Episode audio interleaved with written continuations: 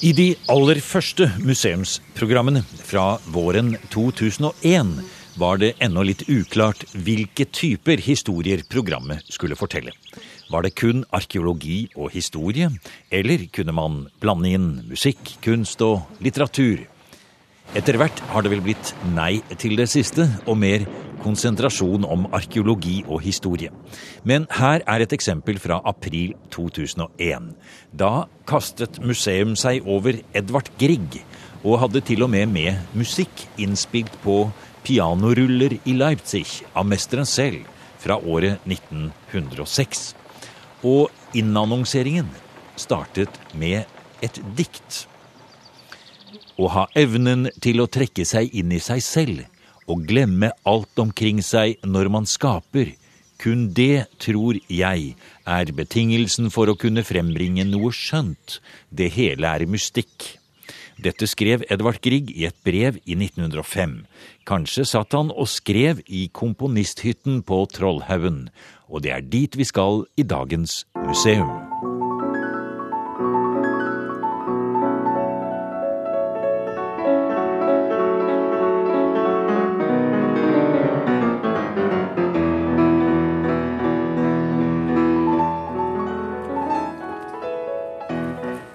Men gikk han da, når han var her hver dag ned til komponisthytten.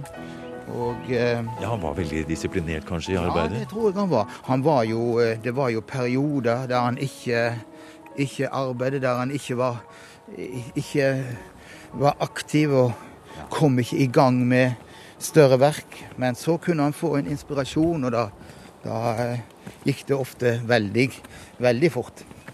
Her er det, ser vi en liten rød stue som ligger ved enden av denne stien vi går på ned mot vannet her. Det er ikke så stort, nei. Nei, den er liten. Den, den er det. Og Det er vel ikke plass til noe flygel der inne? Nei, ikke flygel, men det står et uh, gammelt piano. Uh, det gjør det. Ja, Er det det piano som Grieg brukte, da? ja, det brukte han. Det er et det er det, gammelt Brødrene Hals-piano fra 1860-tallet. Ja. Som eh, sto da i hytta hele tida. Nå, nå skinner sola så fint gjennom vinduene her, og Ja. det legger seg en stripe inn av vinduet her. Det er en Ja. sjeselong her som vi ser Ja. står ved siden av her. Det er gamle møbler. En, liten, en bitte liten gyngestol. En liten Alt eh, Ja. møblementet det er nesten, eh, nesten som et dukkehus, for de er så små her. Og, og eh, du ser stolen der. eh, Ja, det ligger eh, der ligger det en tjukkbok. Ja. Og det var viktig for, eh, for Grieg, for det, han var jo en liten kar. Han var bare 1,52 eh, cm høy. Eh, Og han måtte komme opp i riktig høyde til klaviaturet. Så han satt på den tjukke boken der, og det er ingen hvilken som helst bok. Det er Beethovens sine klaversonater. I en utgave med Ignaz Moscheles, som var Bet Griegs lærer i Leipzig. Nå skal vi låse oss inn her. Sånn. Sånn, ja. Å ja, se her, ja. Her står det en stor, fin svartdom eh, Ja. i kroken her. Ja da. Her Det kunne være kaldt her om Ja. sommeren òg. Ja, ja. Det var kjølig. De første årene så følte han seg ikke helt eh, eh, tilfreds her. Det var litt kjølig, det var, det var kaldt her. Her kommer vi bort til arbeidsbordet til Edvard Grieg. Ja. Her, dette er jo flott, altså. Her ligger det ballade. Ja. Det er hans eh, den berømte verk for, eh, for klaver, da. eh, Ballade i G-moll, opus 24. Eh, Han kom jo opp her i, i 85. eh, Da han bygde, og flytta inn her, så det er de 22 siste åra sitt liv han levde her. Og han komponerte mange lyriske stykker her oppe. En god del sanger da. Og eh, den siste av de tre fiolinsonatene. Og også en rekke verk, bearbeidelser av norsk folkemusikk. Hvis vi ser ut av vinduet her Ja, det er en eh, nydelig utsikt. Vi ser ut nå på Nordåsvannet. Her er stille og rolig. Vi hører Det er en fugl, Fugl, ja. som er bak oss her. Ja, ja det er det. Ja, Akkurat som på krigstida. Ja, det er det. Ja. Og han, er, han skriver jo begeistra brev her nede fra, eh, og ifra Trollhaugen. Eh, ja, eh, stillheten og, og, roen og fuglelivet her ute.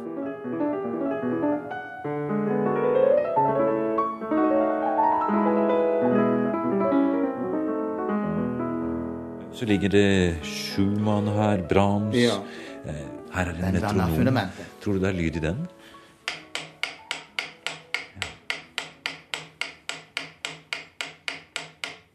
Takten var det i hvert fall ikke noe feil med. Nei. Så la han litt i ovnen her og satt her eh, på formiddagene, da. Ja. Og så på eh, til måltider, og ellers så gikk han opp i huset til Nina da. Ja, men han, han måtte ikke forstyrres her nede. Det var, det var veldig viktig, altså.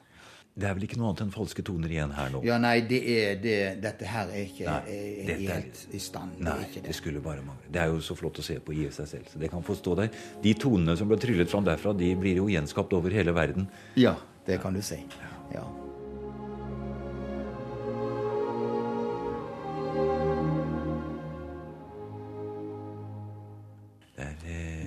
Furu. der nede, ja. Noen små knauser. Og på den andre siden av vannet så er det en, eh, en liten lun vik og Ja. en gressbakke oppover. Ja. Eh, Ordet idyll er ikke feilplassert her. På ingen måte. Dette er virkelig idyll. Ja.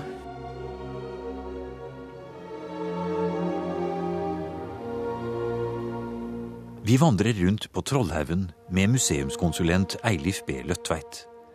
Han kjenner hver minste krok av anlegget, og trekker også fram hvor viktig kontakten med utenlandske museer og konsertarrangører er. Grieg er fortsatt et stort navn i Europa. I disse dager gjester museet Berlin med en Grieg-utstilling. Men i den opprinnelige delen av Trollhaugen, et stykke bortenfor det moderne museumsanlegget, går det vandrestier på kryss og tvers. Her senker roen seg. Her kommer det naturskjønne området ved Nordåsvannet til sin rett. Her spaserte vel Grieg og Bjørnson, mens Nina og Karoline kikket fram bak hushjørnet. Det er ikke vanskelig å skjønne at både Nina og Edvard lengtet hit når sesongtrettheten fra Europas salonger gjorde sitt.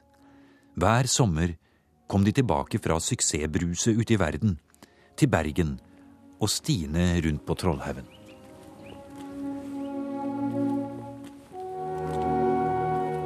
Vi er jo nå ute og spaserer litt på Trollhaugen, og her er det mange stier. Det er eh, trær, gress, stensatte stier. Men vi er jo på vei til eh, Griegs eh, siste stoppested. ja, det er vi. Og da må vi fortsette nedover her. ned mot Nordåsvatnet.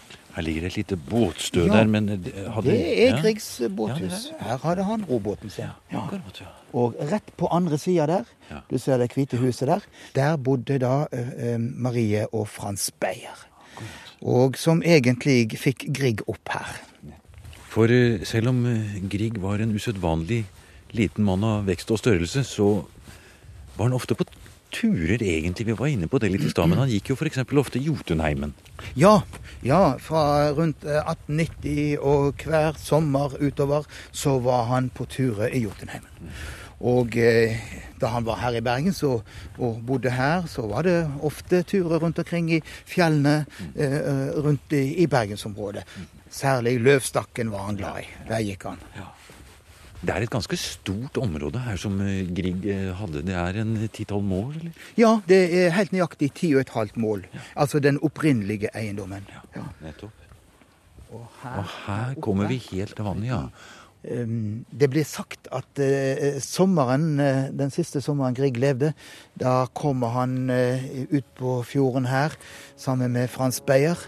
Det er jo ut tidlig på kvelden, og eh, sola sender sine stråler ned mot eh, eh, her mot denne fjellnabben her. Og da skal Grieg ha sagt at her kunne han også tenke seg å hvile etter sin død.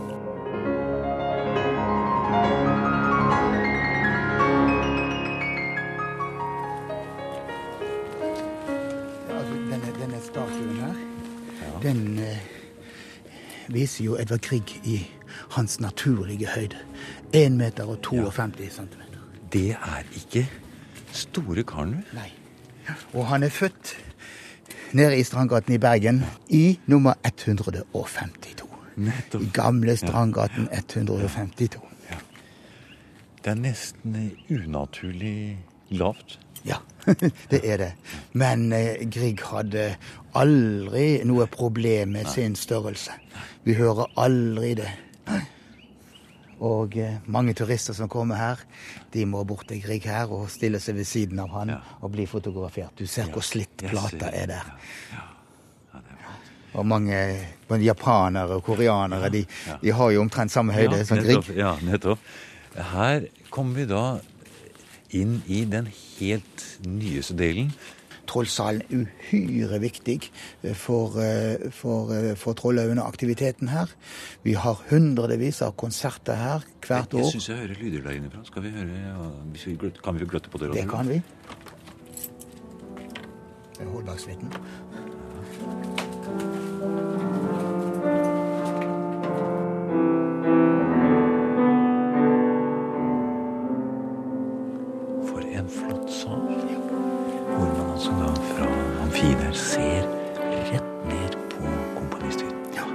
som er så fint. Ja. Ja.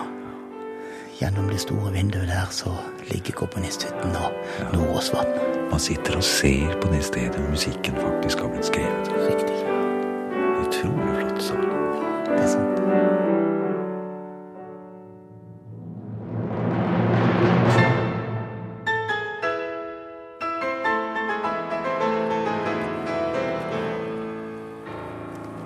Det å gå rundt her på Trollhaugen, det, det er mer en eh, kontemplativ vandring, kanskje, enn en, eh, enn en lang fottur. Men det er, det er en del stier og bakker. Og... Ja, det er det. Det er det. Ja. Det er jo en enkel eh, liten hage, ja. Men eh, Nå kommer vi opp til foran ja. huset her igjen. Kanskje vi skal eh, gå inn og se om det er Vi må gå på varselsida og inn hovedinngangen her.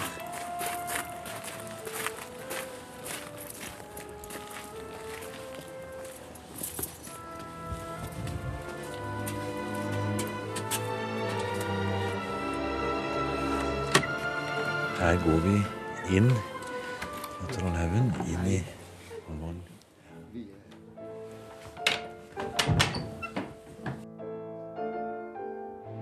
Når vi går rundt her på Trollhaugen og virkelig ser på huset, så ser vi at lyset strømmer inn gjennom vinduene her i stuene. Her kommer vi inn i stua, og vi ser hvordan vannet der nede speiler seg gjennom de store vinduene i stua her. Det er et, det er et veldig vakkert hjem. Det er det. Og dette med de store vinduene, eh, det tror jeg var helt bevisst også fra Griegs side. Og her står møblene. Det er grønn plysj, og det er eh, mørke treslag, det er eh, byster, det er små skulpturer, og selvfølgelig et eh, Steinway og sånns flygel. Det er juvelen i kronen. Det er det. Det er klenodiet her. Det er et Steinway fra 1892 som kom her som gave fra musikkvenner i Bergen til sølvbryllupsdagen den 11. juni 1892. Og det blir brukt eh, i dag også. Vi har konserter her oppe da, eh, også fremdeles under Festspillene. Nattkonserter, en spesiell stemning å sitte her. Det er jo ikke så stort hus, men eh, rydder vi litt plass her og tar vekk noe av møblementet, setter inn småstoler, så kan eh, oppimot 90 personer sitte inne her. Vi ser her borte på veggen, her henger det et eh, bilde hvor vi ser Brahms eh, spille piano. Ja. Eh, Kom han hit noen gang? Nei, dessverre. Han kom aldri til Trollhaugen. Men Grieg inviterer han flere ganger.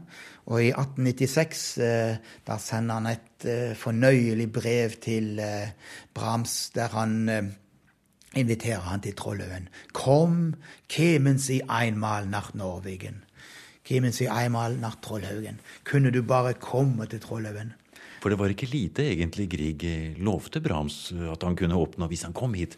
Da skulle han få se Den norske sommernatt Riktig. og få inspirasjon.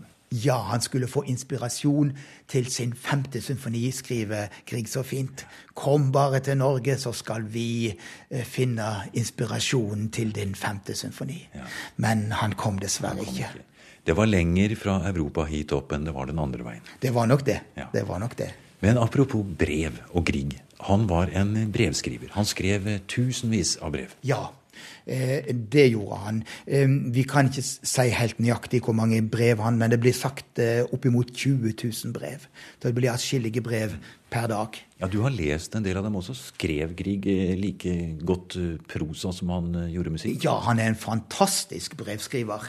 Og eh, av og til er han så eh, full av humør og skriver så godt. Men selvfølgelig, han har også triste og eh, dager, og brevene hans kan være eh, skjære sykehistorien. Det går opp og ned.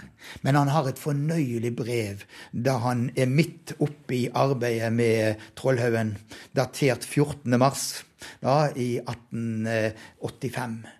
Da skriver han til forleggeren sin i Leipzig, dr. Max Abraham, Peters forlag i Leipzig, og begynner slik. I disse dager vet jeg sannelig ikke om jeg er musiker eller byggmester. Hver eneste dag tar jeg toget frem og tilbake til villaen. Alle mine ideer blir slukt av jorden. Når de en gang kommer på besøk, så trenger de bare å grave. Så vil norske orkester, kor og klaversaker strømme opp fra jordbunnen. At de vil se ut som erter og poteter og reddiker, må ikke forvirre oss, for det er virkelig musikk i dem.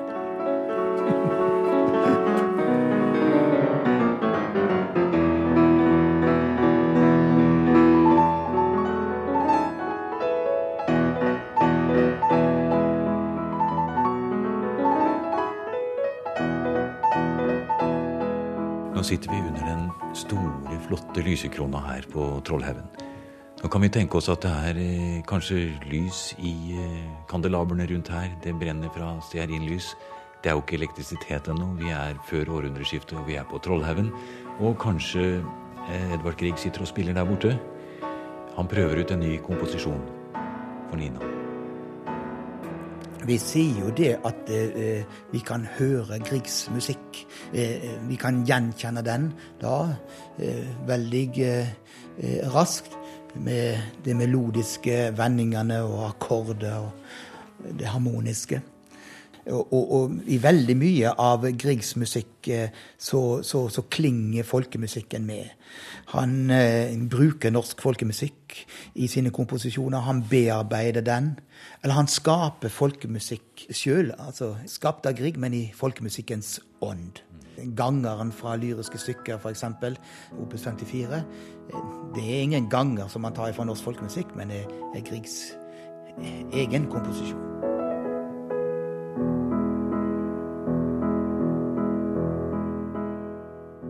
Hva er det som gjør at en mann i f.eks. Australia kan like musikk som er skapt her på Trollhaugen? Ja, Det spørsmålet stilte eh, eh, Grieg seg eh, også eh, eh, noen år før han døde, da han møtte Percy Granger, den store australske pianisten, som var veldig begeistret for Elva Grieg og Griegs musikk. Han spilte ikke bare eh, klaverkonserten da, mange ganger, men han var også veldig opptatt av Griegs spesielle folkemusikkbearbeidelser der, først og fremst da slottene fra Opus 72. Og Grieg spør seg også hvorfor eh, denne pianisten, denne fremragende pianisten fra Australia da kunne gå så inn i den eh, spesielle norske folkemusikken. Og det betydde jo også at folkemusikken den er jo internasjonal òg. Den vekker begeistring langt utover Norges grenser. Det kunne gå lange perioder der han ikke fikk eh, skapt noe. Og han var veldig misfornøyd med de verkene, eller den musikken han skapte. De toner jeg skriver den ene dag, river jeg ut av mitt hjerte den neste fordi de ikke er ekte, sier han. Men så kunne han da, så fikk han jo den store gleden da med å få oppleve at musikken hans da den ble spilt over hele verden. Og han hadde jo enorm suksess på sine konsertreiser rundt omkring i Europa, der han da de siste 15-20 år dirigerte, var i alle musikkmetropoler og dirigerte de store orkestrene rundt omkring på kontinentet.